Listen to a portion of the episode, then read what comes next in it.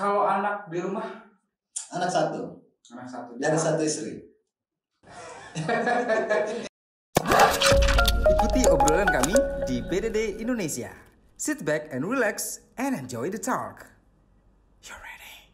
Masyarakat Kabupaten Maros, siapa yang tidak kenal dengan rumah makan prasmanan Dapur Sona? Dan kali ini Sigal akan berbincang santai dengan owner Dapur Sona dan kita akan mendapatkan inspirasi yang begitu banyak dari beliau. Langsung saja, ini dia. Dekat-dekat sedikit Pak. Oke, Pak. Saya tidak begitu terbiasa jauh dari Bapak. Siap. Hari ini apa aja eh, kegiatannya?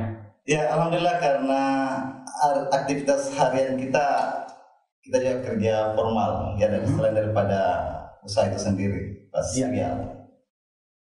Masih menjabat sebagai PNS. Amin. Ya, dan uh, dengan kegiatan yang begitu banyak, masih bisa mengatur waktu dengan rumah makannya. Insya Allah. Wah, tapi kalau berbicara masalah rumah makan, Ya. pagi ini bapak sarapan apa? Sarapan di rumah makannya atau dengan istri tercinta? tercinta? Kalau sarapan karena ada perusahaan rumah makan untuk sesi makan siang Oke. Sarapannya buatan istri tercinta. Luar biasa. Baik, ya, dapur Sokna sejak tahun 2017. Yes. Ya, dan kalau sekarang berarti sudah kurang lebih dua tahun lebih, Pak ya? Iya. Kurang lebih. Ini tepatnya di jalan apa boleh tahu? Di dapur Sona di Jalan Nasrun Amrullah Maros. Sebenarnya dapur Sona itu secara toko ya, secara warung rumah makan itu tahun 2017. Sebelumnya kita awali dengan penjualan secara online. Online berarti orang uh, order, Ya, ya kan? Uh, kemudian order online. iya order. Bapak buatnya di rumah. Iya, buatnya di- Saya maksudnya bapak apa kakak sebenarnya Jadi lebih lebih enak kakak kayaknya ya. Yang jelasnya bukan adik. Kalau Fahmi lebih tepat ya, karena ini uh, apa auranya kayak kita seperti beda 11 tahun. Wes, Terlalu jauh. terlalu jauh. Seperti beda dua tahun ya. Ya. Oke baik. Ya, saya panggilnya Kak Fahmi aja lebih familiar ya. Oke baik. Nah, ini kalau dapur Sona kita bahas eh, tentunya apa sih keunikan dari ini saya sempat baca ada beberapa yang bilang bahwa eh, dapur Sona ini dikenal dengan program uniknya. Ya. Program unik seperti apa itu? Ya, jadi sebelum ke programnya, jadi dapur Sona dari segi brands itu Sona itu kebetulan istri dipanggil Sona sama Sona. keluarganya. Oke. Kemudian kita buat dapur Sona secara filosofi kata Sona itu sendiri di kita di Bugis Makassar itu artinya mimpi atau dimimpikan. Jadi saya pikir ya, cocok. Dapur bikin dapur Sona nama yang baik eh, ada muatan kearifan lokal di dalamnya. Betul. Kemudian dapur Sona ini mengakomodir eh, hobi istri yang bukan jago masak, suka masak. Anggaplah suka masak. Kemudian beliau bertanya ke, ke saya, bagaimana kalau kita wujudkan ini dalam bentuk eh, rumah makan. Hmm. Nah, tentunya ini tidak sekedar diwujudkan saja, kita butuh analisa untuk itu dan kita duduk, kita bicarakan tentang rencana buka rumah makan dan di atas kertas kita sudah coba analisa, kita buka. 2017 mulai jalan 2017 dan otomatis ada beberapa hambatan mungkin yang dialami di awal-awal tahun. Ya, eh, di awal kita buka, kita punya komitmen. Jadi kita pertama kita merekrut karyawan tentunya. Ya, Oke. jadi target target utama kita bagaimana rumah makan ini selain orientasi bisnis murni misalnya, itu bisa bermanfaat buat eh, banyak orang. Jadi langkah pertama yang kita lakukan adalah merekrut karyawan. Pertanyaannya kemudian kalau Pak Sigal misalnya jadi owner sebuah perusahaan, kalau Bapak rekrut karyawan, Bapak mengutamakan yang seperti apa Pak? Kenapa? Karyawan kalau kita rekrut karyawan kita pasti mengutamakan yang punya skill, Yes, yang punya Ya. skill, kemudian Ya. yang qualified untuk Iya. posisi tersebut. Iya minimal punya pengalaman di bidang yang sama kan seperti betul, itu. betul. Kita balik keadaannya, kita nyari justru mereka yang tanda kutip kategorinya kurang mampu secara finansial, Oke. kemudian kita hadirkan untuk menjadi karyawan kita karena target kita adalah bagaimana rumah makan ini Wow. sejak awal itu bisa membantu membantu orang dan alhamdulillah kita merekrut tujuh orang karyawan dari kelompok yang saya sampaikan tadi yang kita anggap tanda kutip kurang, Kurang mampu. mampu secara finansial Tapi mohon maaf kalau misalnya kurang mampu secara finansial. tapi tidak berqualified untuk eh, posisi tersebut, pekerjaan tersebut. Oh iya, saya penganut lebih baik membina orang yang tidak bisa kemudian menjadikan mereka berhasil ketimbang saya harus memelihara orang.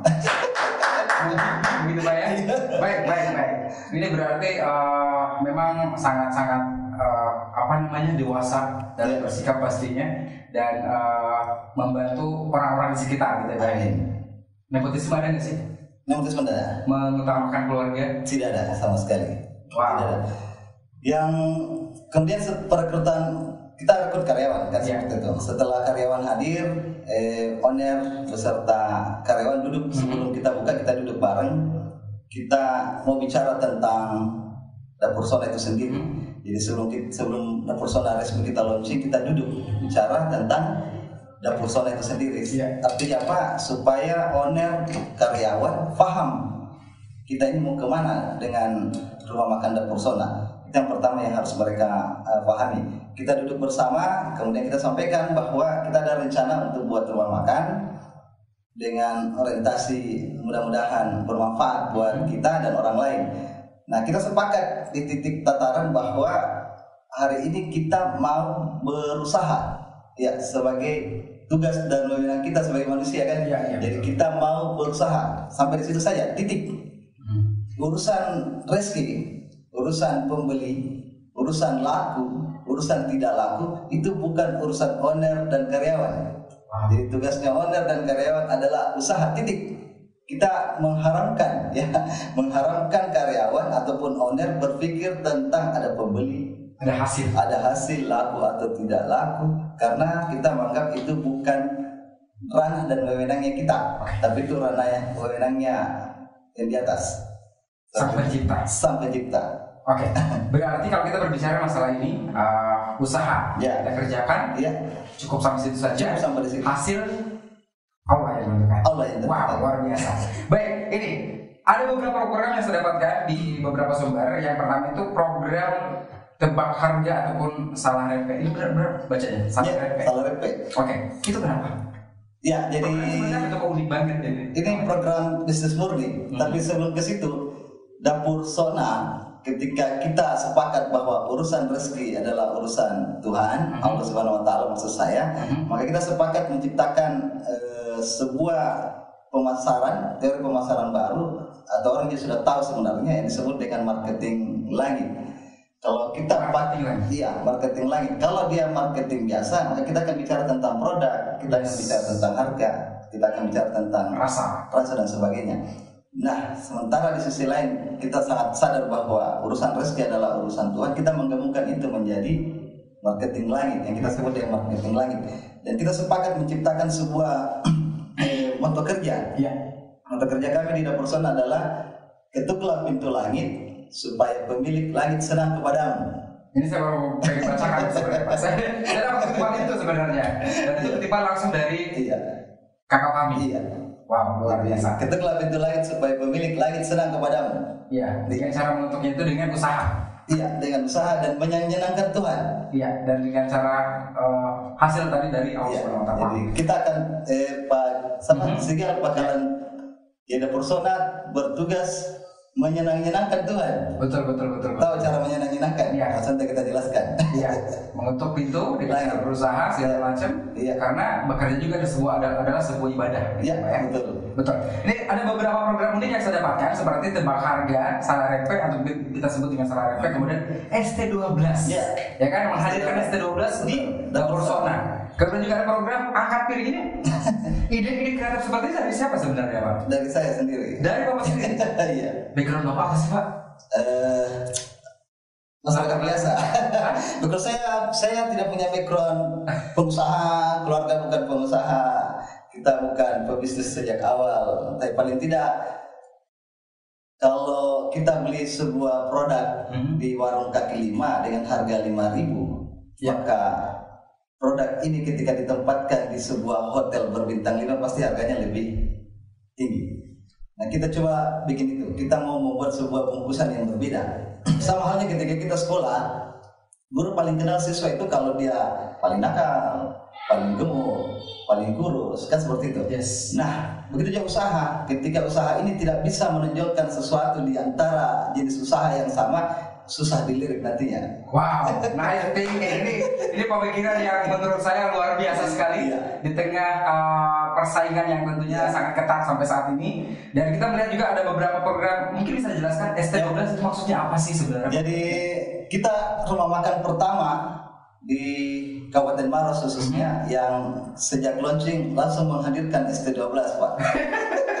Launching ST12. Jadi kita langsung Ini band ST12 yang dibawa datangkan atau bukan. Ini gratis teh manis untuk 12 ST12? Berarti ST12 itu gross orang pertama yang datang. gratis teh manis untuk 12 orang pertama. Ini bukan sekedar program. Kita punya target, kita mengejar konsumen untuk datang lebih cepat. Oke. Lebih awal karena kita nyiapkan eh, apresiasi dengan 12 gelas pertama. Jadi orang bakal ngejar gelas ke-12, gelas Iya, terakhir. iya. Yang kedua secara bisnis murni ya, ini secara bisnis bisnis murni. Ketika program ini berakhir, Hmm? Kemudian es teh manisnya kita juga sudah dicoba cita rasanya oleh konsumen yang free tadinya itu kan bakalan terjual setelah program itu berakhir. Jadi akan ada, ada iklan uh, mouth to mouth gitu ya. Ini rentetan sebenarnya, rentetan program sekaligus launching produk es teh manis. Festivalis itu tadi. Angkat piring. Ya, angkat piring. Jadi pro- kita berupaya membuat program setiap bulannya. Jadi program itu berakhir periodiknya Oh, satu oke. bulan satu bulan. Oh, berarti tadi misalnya uh, program tebak harga, ya kan? Itu Iya. di bulan keberapa gitu ya? Iya. Kemudian S12 bulan bulan Iya. berikutnya. ST12 adalah program yang pertama. Oke. Kemudian setelah ST12 pro- programnya berakhir sebulan, kita buka program habis makan angkat piring tak. Eh, Itu apa tuh maksudnya itu? iya, habis makan Berarti angkat piring ke dapur cuci, cuci Ya, sendiri. di awal. Di awal orang komplain kan, Iya. Pak habis makan Pak, iya Pak, sudah Pak ya, sudah Pak, angkat piring tak Pak, ih, Iya. masa saya harus angkat piring, saya kan konsumen yang bayar, Iya betul. iya, Kenapa saya disuruh-suruh angkat piring ini? saya tetap mewajibkan mereka angkat piring. Karena Oke. di bawah piring konsumen itu ada hadiah. Kita sisipkan ada Oh. hadiah Oh, oke. Berarti ada giveaway di bawah uh, piring tersebut gitu ya? Oke. ada gitu Oh, bukan berarti harus angkat piring bawa ke wastafel? Bukan. Terus cuci sendiri? kalau dia lakukan itu saya rekrut jadi karyawan. Baik, luar biasa. Ini ya, ini uh, program-program unik yang memang uh, bisa dikatakan bahwa monthly program, uh, program yang uh, berlangsung setiap bulannya. ya Dan kalau untuk bulan sekarang, ya kemudian Agustus. ya supaya berkelanjutan jadi setelah piring kita buka program bos namanya Apa? program bos itu adalah datang berlima di dapur zona nunjuk satu orang bos dari berlima itu bosnya kita gratiskan Bentar dulu Pak, saya bukti dulu ya berapa orang ya gitu bisa langsung. kalau apa BDD aman semua bos luar biasa. Semua bos berarti satu orang bisa lima orang ya? bukan maksudnya karena semua bos berarti semua punya uang semuanya bayar baiklah. Ganti tamu mulai sekarang juga. Ini kalau kita berbicara masalah program bisa panjang ya Pak ya dari Iya, tahun betul. 2017 sampai 2020 sekarang ini. Tapi saya pengen tanya, eh, program-program unik ini respon masyarakat pada saat itu apa? alhamdulillah eh, sesuai harapan Oke. Tapi untuk program yang Pak Sigal sebutkan tadi itu adalah program bisnis murni. Sebenarnya program yang utama bukan di situ sebenarnya. Tapi Kita ada program utama sejak awal sampai saat ini yang disebut dengan program tamu dari langit. tamu dari langit. Tamu dari langit. Oke, bisa dijelaskan detailnya seperti apa? Ya, tamu dari langit itu lahir sebelumnya ya. Apa yang dimaksud dengan tamu dari langit? Tamu dari langit ini menurut kita waktu kita ciptakan eh, program itu adalah mereka mereka yang harusnya dimuliakan. Mhm. Ya, mereka-mereka yang kita anggap harusnya dimuliakan. Oke, oke. Iya, di antaranya adalah kaum duafa, Mhm. eh, sahabat yatim, kemudian para santri tafizul Quran, para ustadz dan sebagainya. Kita menganggap adalah tamu-tamu mulia yang menurut kita didatangkan Allah ke tempatnya kita. Hmm. Makanya kita nyebutnya mereka adalah tamu dari langitnya kita. Tamu dari langit. Iya. Datang ke tempat untuk makan kita. Iya. Kemudian tamu dari langit ini lahir, kita buka. Dapur sana buka, alhamdulillah atas izin Allah juga ramai. Kita mulai berpikir, yang datang ini kan orang yang punya uang. Pak Sigal lewat dapur sana, punya uang di kantong, mau makan sih nggak kan? Tinggal milih menu. Kita ada 45 jenis menu. Pak Sigal bakal milih menu se, sesuka hati, kemudian bayar. Iya. Pas idealnya kenyang, selesai bayarnya. Yang masalah muncul adalah ketika kita merasa bagaimana dengan mereka yang miskin dan tidak punya uang, Betul betul. kemudian melintas di depan dapur sona, mau berbelanja dan tidak punya uang. Nah itu kita pikirkan. Nah kita buka kita buka ruang untuk itu. Mhm. Kita buka ruang lewat program tamu dari langit. Kita memberikan kesempatan teman-teman ini, sahabat-sahabat kaum duafa, sahabat yatim untuk bisa makan juga di rumah makan.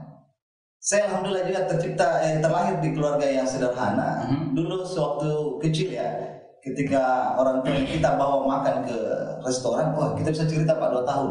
Iya, jadi pengalaman yang sangat berharga Iya ya. kan? Kita bahwa kita pernah makan di sini, pernah makan di situ misalnya. Oh, itu sangat berharga buat kita ini. Nah kita menghadirkan suasana yang sama. Betul betul. Kita menghadirkan suasana yang sama di teman-teman sahabat eh, Duafa ini. Di awal, di awal program Tamu Langit berjalan, itu kita bagi undangan di jalan. Ketemu dari becak ngasih undangan makan, ketemu pemulung ngasih undangan makan, ketemu tukang jahit sepatu kasih undangan makan. Kemudian mereka bakalan datang menunjukkan undangannya dan mereka makan Secara cuma-cuma. secara cuma-cuma.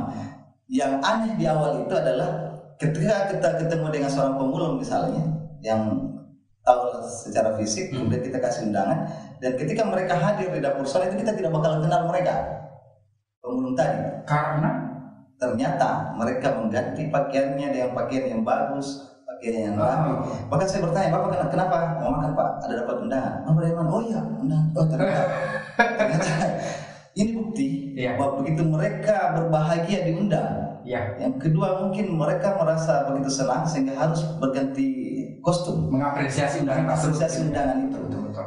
Dan itu berjalan selama ini kita menyebarkan undangan tiap hari, Mhm. tiap hari mereka datang. Dalam perjalanannya kita mulai merubah konsep. Merubah konsep kembali. Iya, kita evaluasi konsep ceritanya. Kita mulai merasa sombong didatangi. Oke. kita bagi undangan, kemudian orang datang, kita nunggu. Wah, kita ini mulai merasa sombong ini. Iya. Datangi, undang tamu dari langit, tamu dari langitnya datang, terkesan sombong yang undang ini karena didatangi kan. Iya betul. Salah konsepnya, saya ber- berpikir seperti itu waktu itu. Akhirnya dirubah. Rubah konsep. Yang tadinya kita undang, kita balik keadaannya. Kita jemput di rumahnya. Dijemput Iya, langsung. dijemput orangnya. Jadi kita jemput. Di awal kita jemput secara pribadi, tapi semakin hari dengan kesibukan yang lain juga, akhirnya kita bentuk, kita bentuk relawan cuma-cuma yang bersedia menjemput kaum duafanya. Mhm. Jadi akhirnya terbentuk mereka data kaum duafa yang mau dijemput, Iya. kemudian relawan ini dengan armadanya menjemput mereka, menjemput mereka untuk kemudian hadir dan bersantap siang gratis di tempatnya. Di dapur sholat tersebut. Kan? Iya, Wow. itu satu program. Saya juga pernah bahas ini Pak. Ada program, entah ini program atau di luar program Pak ya. Tapi Bapak pernah membagi-bagikan eh, beras Ya, kepada kaum Beras. Bapak betul. Iya. Itu berarti diantarkan langsung ke rumahnya Diantarkan masing-masing. langsung. Ya, kita masing-masing. kita ada banyak program amalia sedekah. Jadi yang pertama tamu dari langit itu sendiri. Yang kedua kita ada sedekah ojol. Mhm. Ya kita ada sedekah ojol setiap Jumat. Mhm. Jadi setiap Jumat kita di dapur sana itu menganggap rumah makan lain. Iya. Itu bukan kompetitor. Betul. Ya, itu Wah. mitra. Mitra. Sehingga kalau untuk program sedekah ojol tiap Jumat kita nelpon ke ojek online-nya. Hmm. Kita pesan makanan, Mhm. pesan makanannya di rumah makan lain. Jadi kita pesan makanan Justru rumah- pesan makanan di rumah makan lain. rumah makan lain Wow. yang recommended. Iya. Jadi kita pesan khusus dengan harga yang spesial Mhm. dan kita minta seperti biasa ojolnya untuk melaksanakan tugasnya. Saya pesan makanan, ojol laksanakan tugas untuk mengantar makanannya. Kenapa pesan di rumah makan lain? Tidak yakin dengan menu sendiri kah? Bukan, kita mau yang kita Bervariasi. bervariasi yang kedua saling membantu dengan mitra. sama halnya ketika saya makan di tempat lain misalnya di Maros ketika recommended saya harus bilang itu luar biasa. Kan seperti itu Oke. kemudian berlanjut di ojol tadi Mhm. ojol melaksanakan tugasnya kemudian mengantarkan makanannya kita pertama merasa, eh, merasa bahwa ojol sudah melaksanakan tugasnya. Oke. dia perlu tanggung jawab. Ojol datang ke kita menyerahkan makanan yang kita pesan. Mhm. makanan ini kemudian kita hadiahkan sama driver ojolnya beserta bayaran dan ongkirnya biar ojolnya berbahagia. Itu berarti surprise dong buat surprise buat si wow. ojol jadi ojol nggak bakalan tahu. Dan kita acak setiap Jumatnya. Wah, luar Itu biasa, sedekah ojol. Kemudian Jumat di tempatnya kami kita gratis. Cuma karena hari ini ada pandemi covid kita rubah konsepnya sebelum covid setiap Jumat kita gratiskan makan buat para penghafal Al-Quran se-Kabupaten Maros. Mhm. Kemudian kita ada gratis makan buat para hatib Ya. Jumat se-Kabupaten Maros dan sahabat yatim setiap Jumatnya. Dan itu Oke. program terus berjalan. Program terus berjalan sampai hari ini pun. Sampai kapan pun. Sampai kapan pun. Iya. Oke. Tapi kalau untuk secara eh, omset Hmm. Dari 2017 pasti akan ada peningkatan yang signifikan ya. Eh, kalau untuk bulan Juli kemarin 2020 Ini pertanyaan atau sebelum sebelum pandemi kita membahas tentang awal Januari 2020 kemarin. Di awal tahun ini Januari dan Februari sebelum pandemi di Indonesia, Hmm. saya pengen tahu dong Pak omsetnya berapa? Omset yang kemarin. Omset. Alhamdulillah lah pokoknya. saya kalau saya lebih bagus begini kalau Pak Segal cerita omset ya. Iya. Karena kita komitmen awal omset bukan urusan kita, tapi bagaimanapun juga kita secara bisnis murni kita harus analisa. Saya pencatatan yang ketat, saya tahu omset saya Januari tahun lalu dengan Januari tahun ini misalnya, atau paling tidak saya tahu omset saya bulan Juli tahun ini dibanding tahun lalu. Untuk segera evaluasi bahwa ini terjadi peningkatan atau penurunan. Tapi cerita omset karena ini urusan Tuhan tentunya, tapi karena kita juga komitmen untuk menyenang-nyenangkan Tuhan, Tuhan berbaik hati juga buat kita, Alhamdulillah. Saya mau bilang begini, kondisi hari ini ya khususnya di pandemi kok, ya, pandemi saat ini, begitu banyak yang terdampak. Ya. Ya, apalagi namanya pengusaha, jangankan pengusaha besar, pengusaha besar saya terdampak, bagaimana yang pengusaha kecil. Betul betul betul. Saya beberapa hari yang lalu makan di sebuah rumah makan Mak Ros dan itu mau owner dia juga. Saya bertanya, Pak owner gimana penjualan? Hancur Pak, terjun bebas Pak, kan begitu bahasanya. Yes, yes. Bahkan ada yang PHK, ada yang tidak bisa bayar pending gaji dan sebagainya. Kita juga tentunya merasakan, kita tidak nafikan itu. Kita merasakan dan kita mulai berpikir waktu itu. Di awal pandemi, saya duduk dengan karyawan dengan owner. Saya bilang sama mereka, atas dengan niat baik, mudah-mudahan dengan niat baik, maka hasilnya juga pasti baik. Ya seperti itu. Saya bilang di depan karyawan dan depan owner, kita mencoba memastikan bahwa sampai saat ini maksud saya, kita berupaya untuk tidak melakukan pemutusan hubungan kerja. Pertama, kenapa? Kalau kita lakukan itu maka situasi sulit hari ini kita akan mempersulit orang.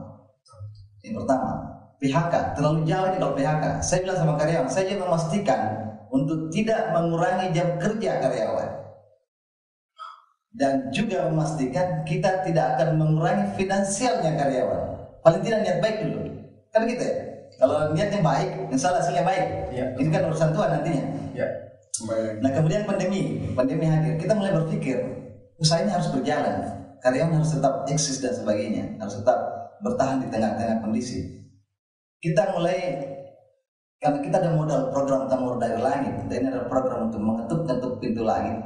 Nanti Tuhan yang ngatur-ngatur hatinya orang kan, Ya. mau Pak Sigal nanti digerakkan nantinya ke personal untuk, untuk berbelanja. Kita ngajak orang waktu itu, kita ngajak konsumen, kita ngajak pelanggannya kita untuk berbagi di masa pandemi. Kita buka program sedekah 10 ribu, kita buka donasi 10 ribu. Pak Sigal bisa nyerahkan uang 10 ribu, dapur Sona ngasih subsidi 5 ribu, sehingga menjadi harga 15 ribu. 15 ribu inilah yang kita olah menjadi makanan siap saji untuk kita bagikan selama masa pandemi.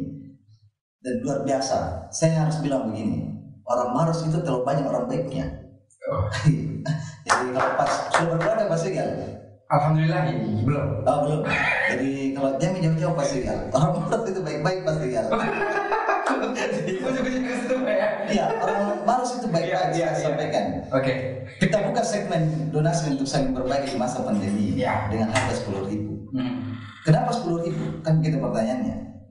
Kalau Pak Sigal saya mintai uang 500 ribu, ada orang miskin yang kita mau bantu, bisa jadi ada Pak.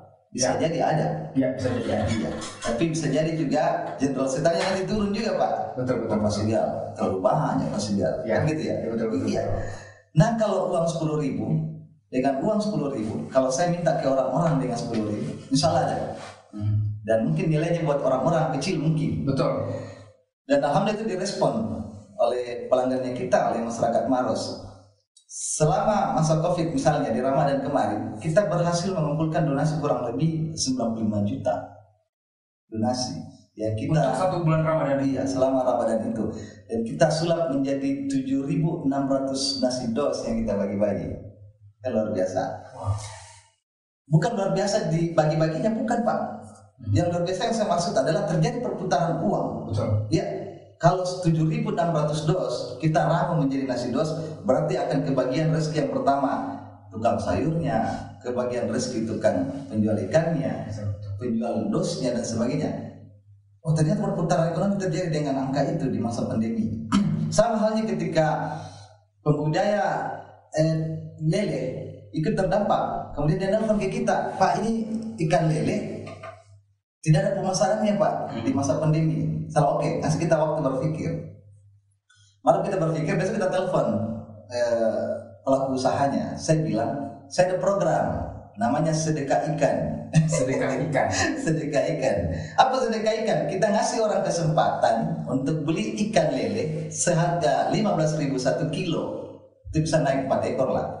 Kemudian donas, donatur ini yang belikan lele 15.000, 15 ribunya itu ikannya itu diserahkan ke dapur zona untuk kita olah menjadi makanan siap saji. Nah hasilnya kita bagi lagi ke kaum duafanya. Ya. Kaum duafanya terbantu, petambaknya terbantu. Dan alhamdulillah selama eh, program itu berjalan kita berhasil membeli ikan lele di petambak itu kurang lebih 650 kilo. Alhamdulillah. Dan program sedekah ikan. Bapak ini kalau bisa dibilang bahwa eh, usaha rumah makan, Ya, tapi tidak mementingkan profit ataupun om- omset, tapi lebih ke sedekah. Eh, saya kira dia akan beriringan, Pak. Saya ini bukan ustadz masalahnya. Tapi saya punya keyakinan, ya, sebagai muslim yang taat. Dan itu kan jelas bahwa tidak miskin orang karena Bersedekah. sedekah. Oke, baik. Dan saya di titik keyakinan tertinggi hari ini lewat bersenang. Betul. Kalau kesuksesan sekarang ini tentang kebijaksanaan Bapak yang eh, selalu ingin bersedekah itu tidak lepas tentunya dari dorongan Ya. juga ajaran dari orang tua tercinta. ya, Didikan orang tua waktu kecil Bapak seperti apa sih? ya Apakah saya, dikerasin, ditegasin, ya. atau dimanja waktu kecil? Yang pertama saya bersyukur terlahir di keluarga yang sederhana. Mhm. Kalau saya terlahir di keluarga yang kaya raya, bisa jadi kita ada ketemu pasti ya. Karena saya terlahir di keluarga sederhana, enam bersaudara, Iya. empat perempuan, dua laki-laki. Orang tua saya adalah pegawai negeri sipil zaman dulu. Zaman beda ya, Iya. zaman dulu dengan zaman now, PNS zaman now. Paling tidak beda secara finansial. Ya. Kita enam bersaudara, jumlah cukup banyak untuk ukuran PNS Dan Bapak anak ke kedua. kedua. Iya. Satu hal yang paling penting orang tua saya, orang tua laki-laki khususnya bapak dalam hal ini, itu cukup keras mendidiknya dalam artian cukup disiplin. Iya. Kemudian kedua orang tua saya mengutamakan kita berenam ini, mengutamakan pendidikan waktu itu. Oke. Untuk yang lain urusan nomor kesekian, yang penting sekolah dulu menurut Sekolah orang tua. Iya. Dan alhamdulillah kita selesaikan itu. Kemudian kenapa saya bilang saya bersyukur lahir di keluarga yang sederhana? Saya bisa menikmati prosesnya dari awal. Saya tahu prosesnya dari awal, mulai dari nol sampai dan seterusnya. Itu kita lewati, kita lewati prosesnya. Iya. Dan alhamdulillah kami berenam bisa melewati itu fase. Kan ada melewati fase yang orang sebutlah itu sulit misalnya sekalipun kita berhasil melewati. Paling tidak di fase hari ini, fase lalu adalah menjadi pelajaran penting buat kita. Kan seperti itu. Kalau Sigal mau mancing-mancing nangis, susah saya nangis ya Pak Sigal. Saya nggak mau mancing nangis loh Pak. Iya, saya dari awal sudah melewati prosesnya. Iya.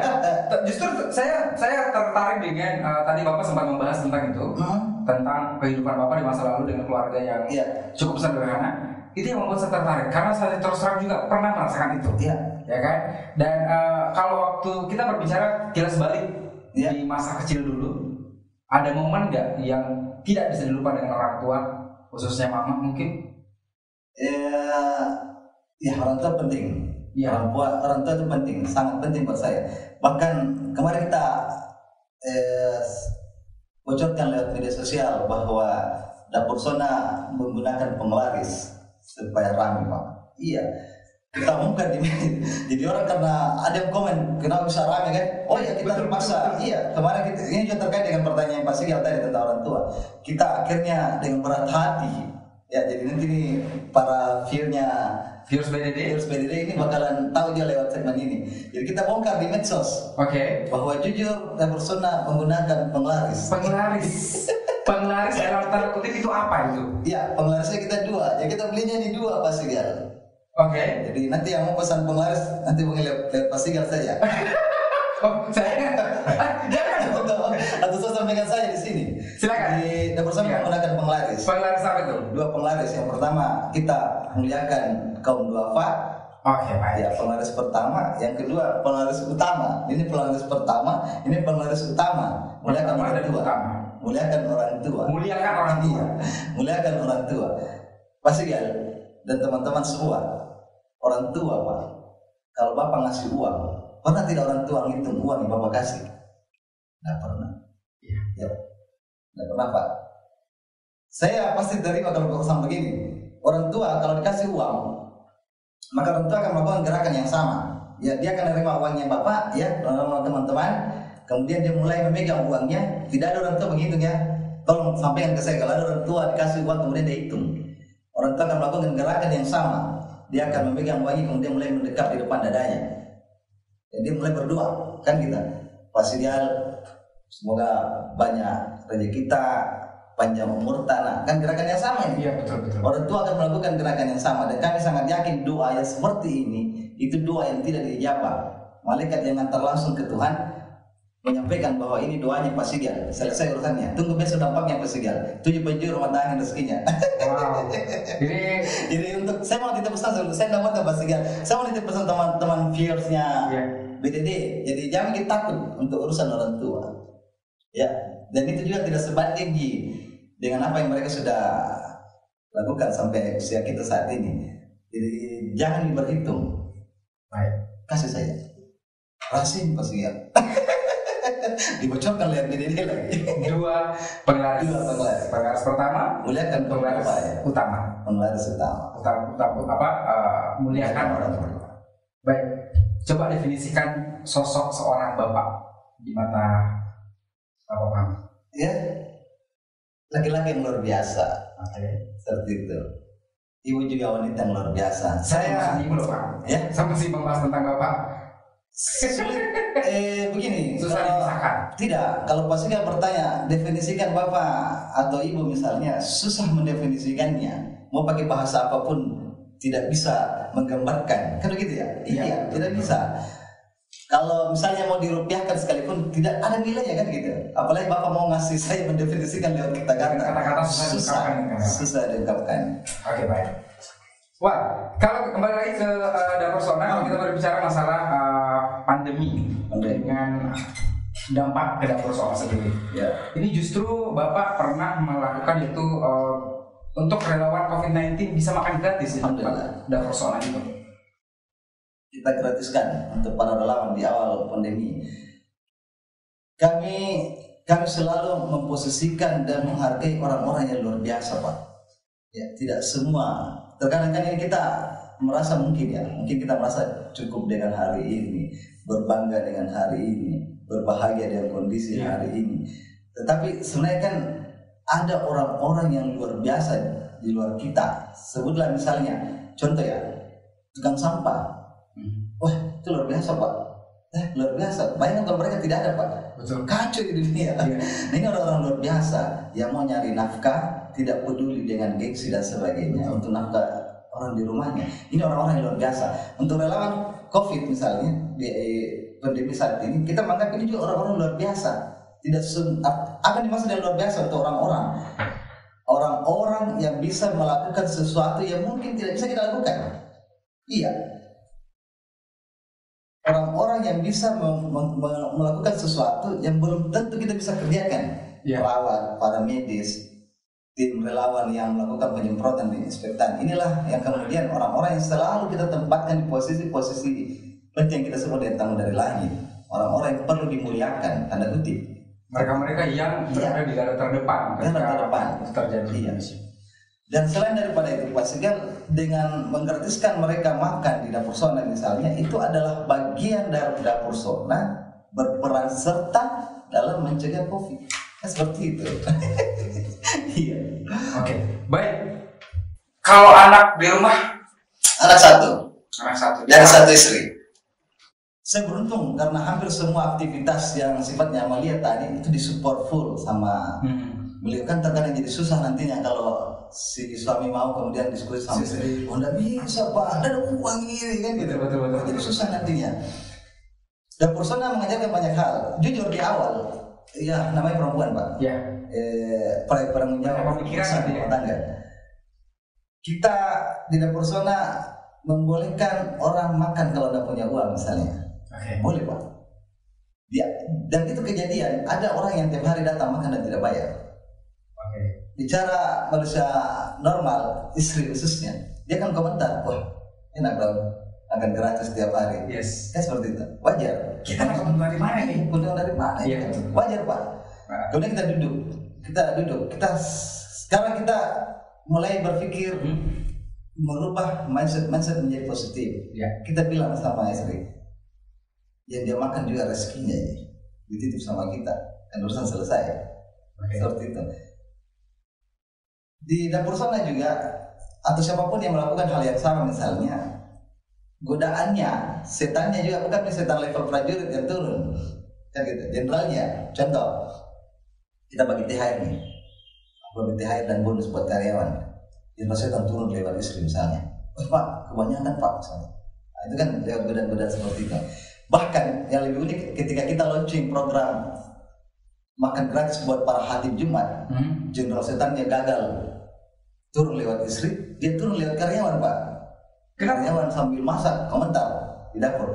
Ini bos kita setengah mati masak. Dia gratiskan lagi ke orang. Bayang- bayangkan pak.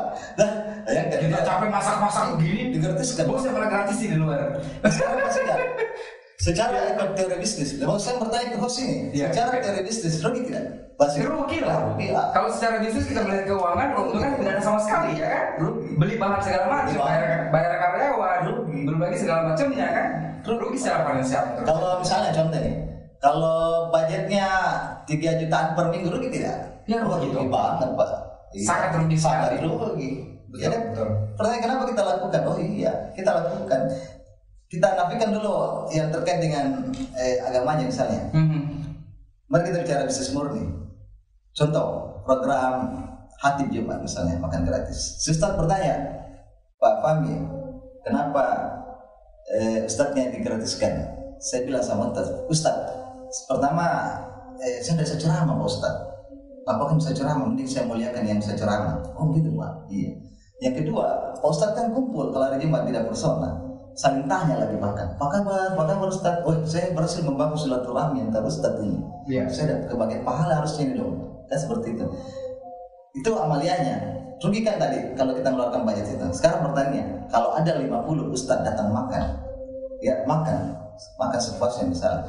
Sebentar lagi ini ustadz pulang tidak? Oh pulang dong. Masa ini ada ustadz ya pulang ya. Besok apa dilakukan ustadz ya aktivitas kembali dong. Ceramah kan ceramah ke masjid ceramah tasya misalnya ustadznya ini satu orang. Subuh ceramah subuh. Siang kultum duhur. Asar kultum lagi. Iya. maghrib kultum lagi. Isya tasya lagi. Misalnya enam kali misalnya si ustad ustadnya coba bayangkan kalau 50 ustad kemudian semua mulai bercerita. Saya tadi diundang makan gratis. Di rumah makan. Itu eh ustadnya promosi Iya. iya secara bisnis murni Secara bisnis murni. Iya kan? Jadi cara Mau promosi gitu kan? Iya. Jadi kalau ada yang mengabaikan dalam artian wah rugi secara oh belum tentu, Oke. belum tentu. Baik, Bapak sebagai PNS dan juga bekerja sebagai pemilik dari dapur sona yang tentunya harus terjun langsung ke lapangan, Ya. ya kan? Kalau saya boleh tanya, anaknya pernah diarahkan ke PNS atau ke wirausaha? Hari sebelum menikah, kemudian menikah, mungkin di awal berpikir, tapi saya mulai eh, bersama istri menduga si anak bahwa saya tidak akan mendikte dia harus ke mana. Dibebaskan. Iya, eh, pendidikan penting untuk pembentukan karakter dan wawasan, tapi korelasi dengan dunia kerja hari ini belum tentu. Bisa jadi bebas. Tapi bagaimanapun juga saya berharap eh, si kecil ini dipanjangkan umurnya, amin. Kemudian beranjak dewasa, kemudian boleh mengambil alih eh, usaha ini, mengembangkan usaha ini. Kita orang tuanya, iya, nanti kita orang tuanya tinggal Mendukung. mendukung dan membimbing. Umur berapa sih Pak anaknya? Kelas 3 SD. Kelas tiga. Iya. Ya kalau sekarang memang belum ada arahan ke sana Pak ya. Cuma karena dia mungkin terbiasa di lingkungan yang sama, ya sudah terlihat. Sudah terlihat. sudah terlihat. Pernah nanya nggak ke anaknya mau jadi apa sih Pak? Misalnya nanti. Tidak sampai hari ini. Belum sampai hari ini. Iya. Saya tidak akan bertanya dia mau jadi apa. Biarkan dia- Karena masih SD, masih uh, Iya. masa kecil-kecilnya, masih masih masa lucu-lucunya. Eh, bisa jadi. Persoalannya saya pas tinggal bukan saya penganut saya bukan penganut hasil akhir. Betul, seperti yang disampaikan di awal barusan. Iya. Iya. Saya bukan penganut bahwa eh, hasilnya bagus atau tidak bagus. Saya penganut proses. Iya. Ya, jadi kalau orang bilang hasil hasil yang menentukan hasil akhir yang menentukan oh salah kalau saya harusnya dibalik hasil awal yang menentukan kalau awalnya bagus yakin saya ke depannya pun akan bagus bagus juga. kalaupun tidak sesuai harapan ada proses yang perlu dikaji di tengahnya Betul. dan saya penikmat prosesnya sampai hari ini Wah, luar biasa. Oke, baik Bapak, kita ada semua yang hadir di studi BDD. ya Sigal harus memberikan tantangan ini. Iya. Siapa pun Iya. yang duduk di depan Sigal Boleh. harus melewati tantangan yang kita sebut dengan game pilih cepat. Yes. Jadi Bapak akan saya berikan pertanyaan. Ada dua pilihan yang Bapak harus jawab dengan cepat, ya kan? Dipikirkan sedikit, tapi set dengan cekatan langsung menjawab pilihan mana yang dipilih. ini segmen yang paling ditakuti ke narasumber kayaknya Oh. bisa jadi, bisa jadi, iya bisa jadi. Kak. Baik, siap siap. Ya, pertanyaan pertama. Oke, mau minum dulu? karena kayaknya Ini, ini sih persiapan untuk menjawabnya lebih susah ternyata ya daripada di wawancara barusan gitu kan. Iya. Silakan minum dulu sambil minum saya, saya akan menjawab apa namanya memberikan pertanyaan, bapak tinggal menjawab saja, menjawab antara dua pilihan dan memilih jawaban mana yang uh, bapak lebih pilih gitu ya, Oke. lebih lebih ke bapak. Oke. Baik, pertanyaan pertama, bapak tinggal pilih antara dua pilihan olahraga atau musik. olahraga Kenapa musik? tidak ditanya kan Kenapa musik? tidak?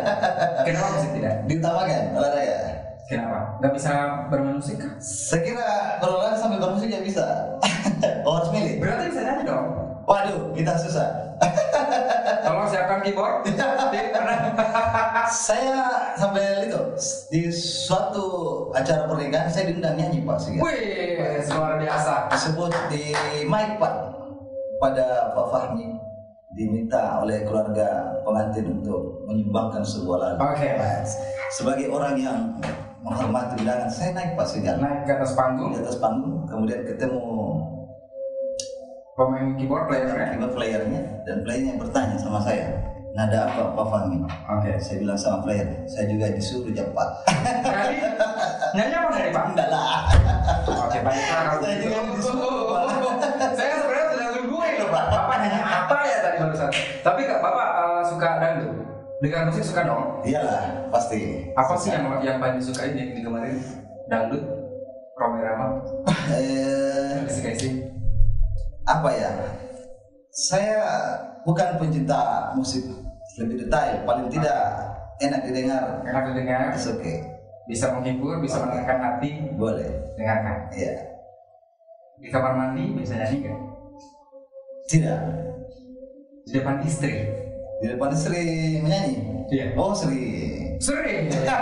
Lagu apa? Lagu apa yang biasanya dinyanyikan dengan istri?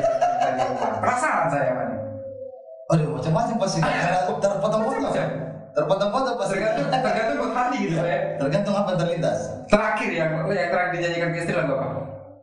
lagu apa ya oh kemarin waktu dia ulta Happy birthday jangan-jangan Pak. bukan dong Apa dong? bidadari surga Oh my god, suaranya indah sekali loh.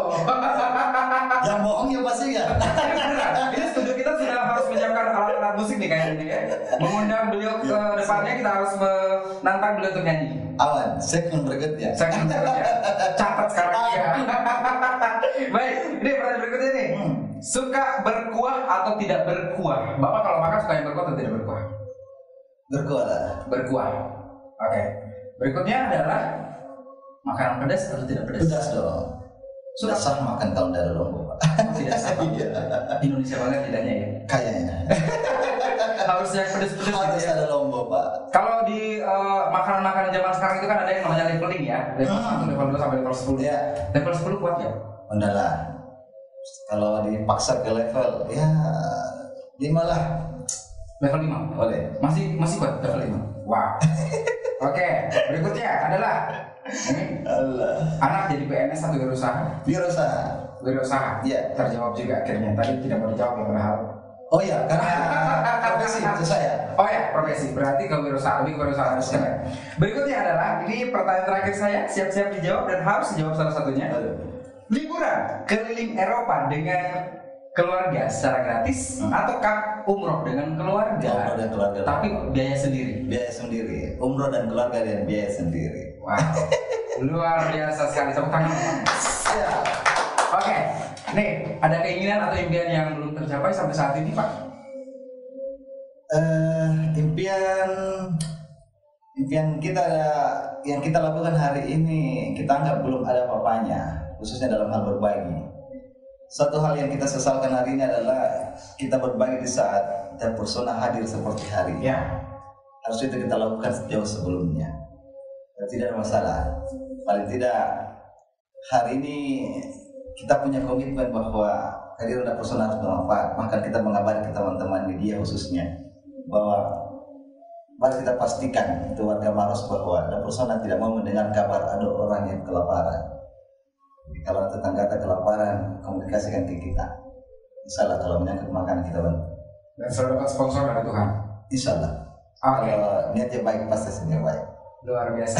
Hari ini saya mendapatkan banyak pelajaran, ya termasuk ilmu sedekah dan the power of sedekah. siap Dan uh, saya doakan semoga ke depannya Bapak semakin diberikan sponsor yang banyak amin ya Allah dari sang pencipta, amin dari sang pemilik langit, amin ya kan?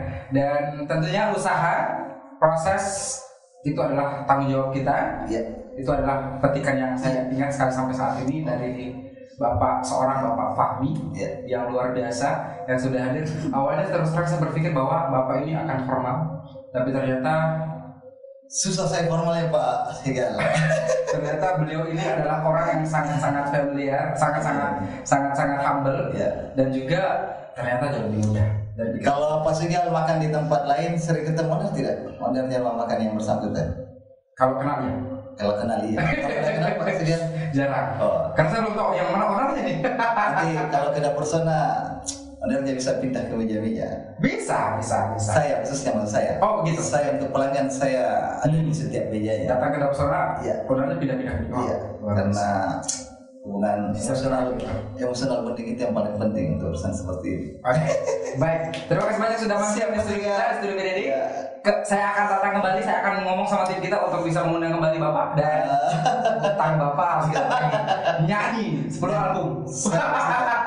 lagu barat biasanya bisa. bisa Oke, baik. mau se Catat sekarang juga. sebaiknya boleh hari ini Catat sekarang juga. Terima kasih banyak Bapak sudah hadir dan sekali lagi inspirasi yang kita dapatkan tentunya dari kalangan mana pun dan juga dari orang mana pun kita akan bisa dapatkan dan Bapak bisa nonton juga subscribe channel nanti kami pasti. dan kita akan uh, memberikan inspirasi melalui kanal YouTube kami tentunya di BD Indonesia Siap. dan kembali kami ucapkan banyak terima kasih kepada Bapak Fahmi Iya, Alullah yang sudah hadir pemilik dari dapur sana Dapur Sona. Terima kasih Pak. siap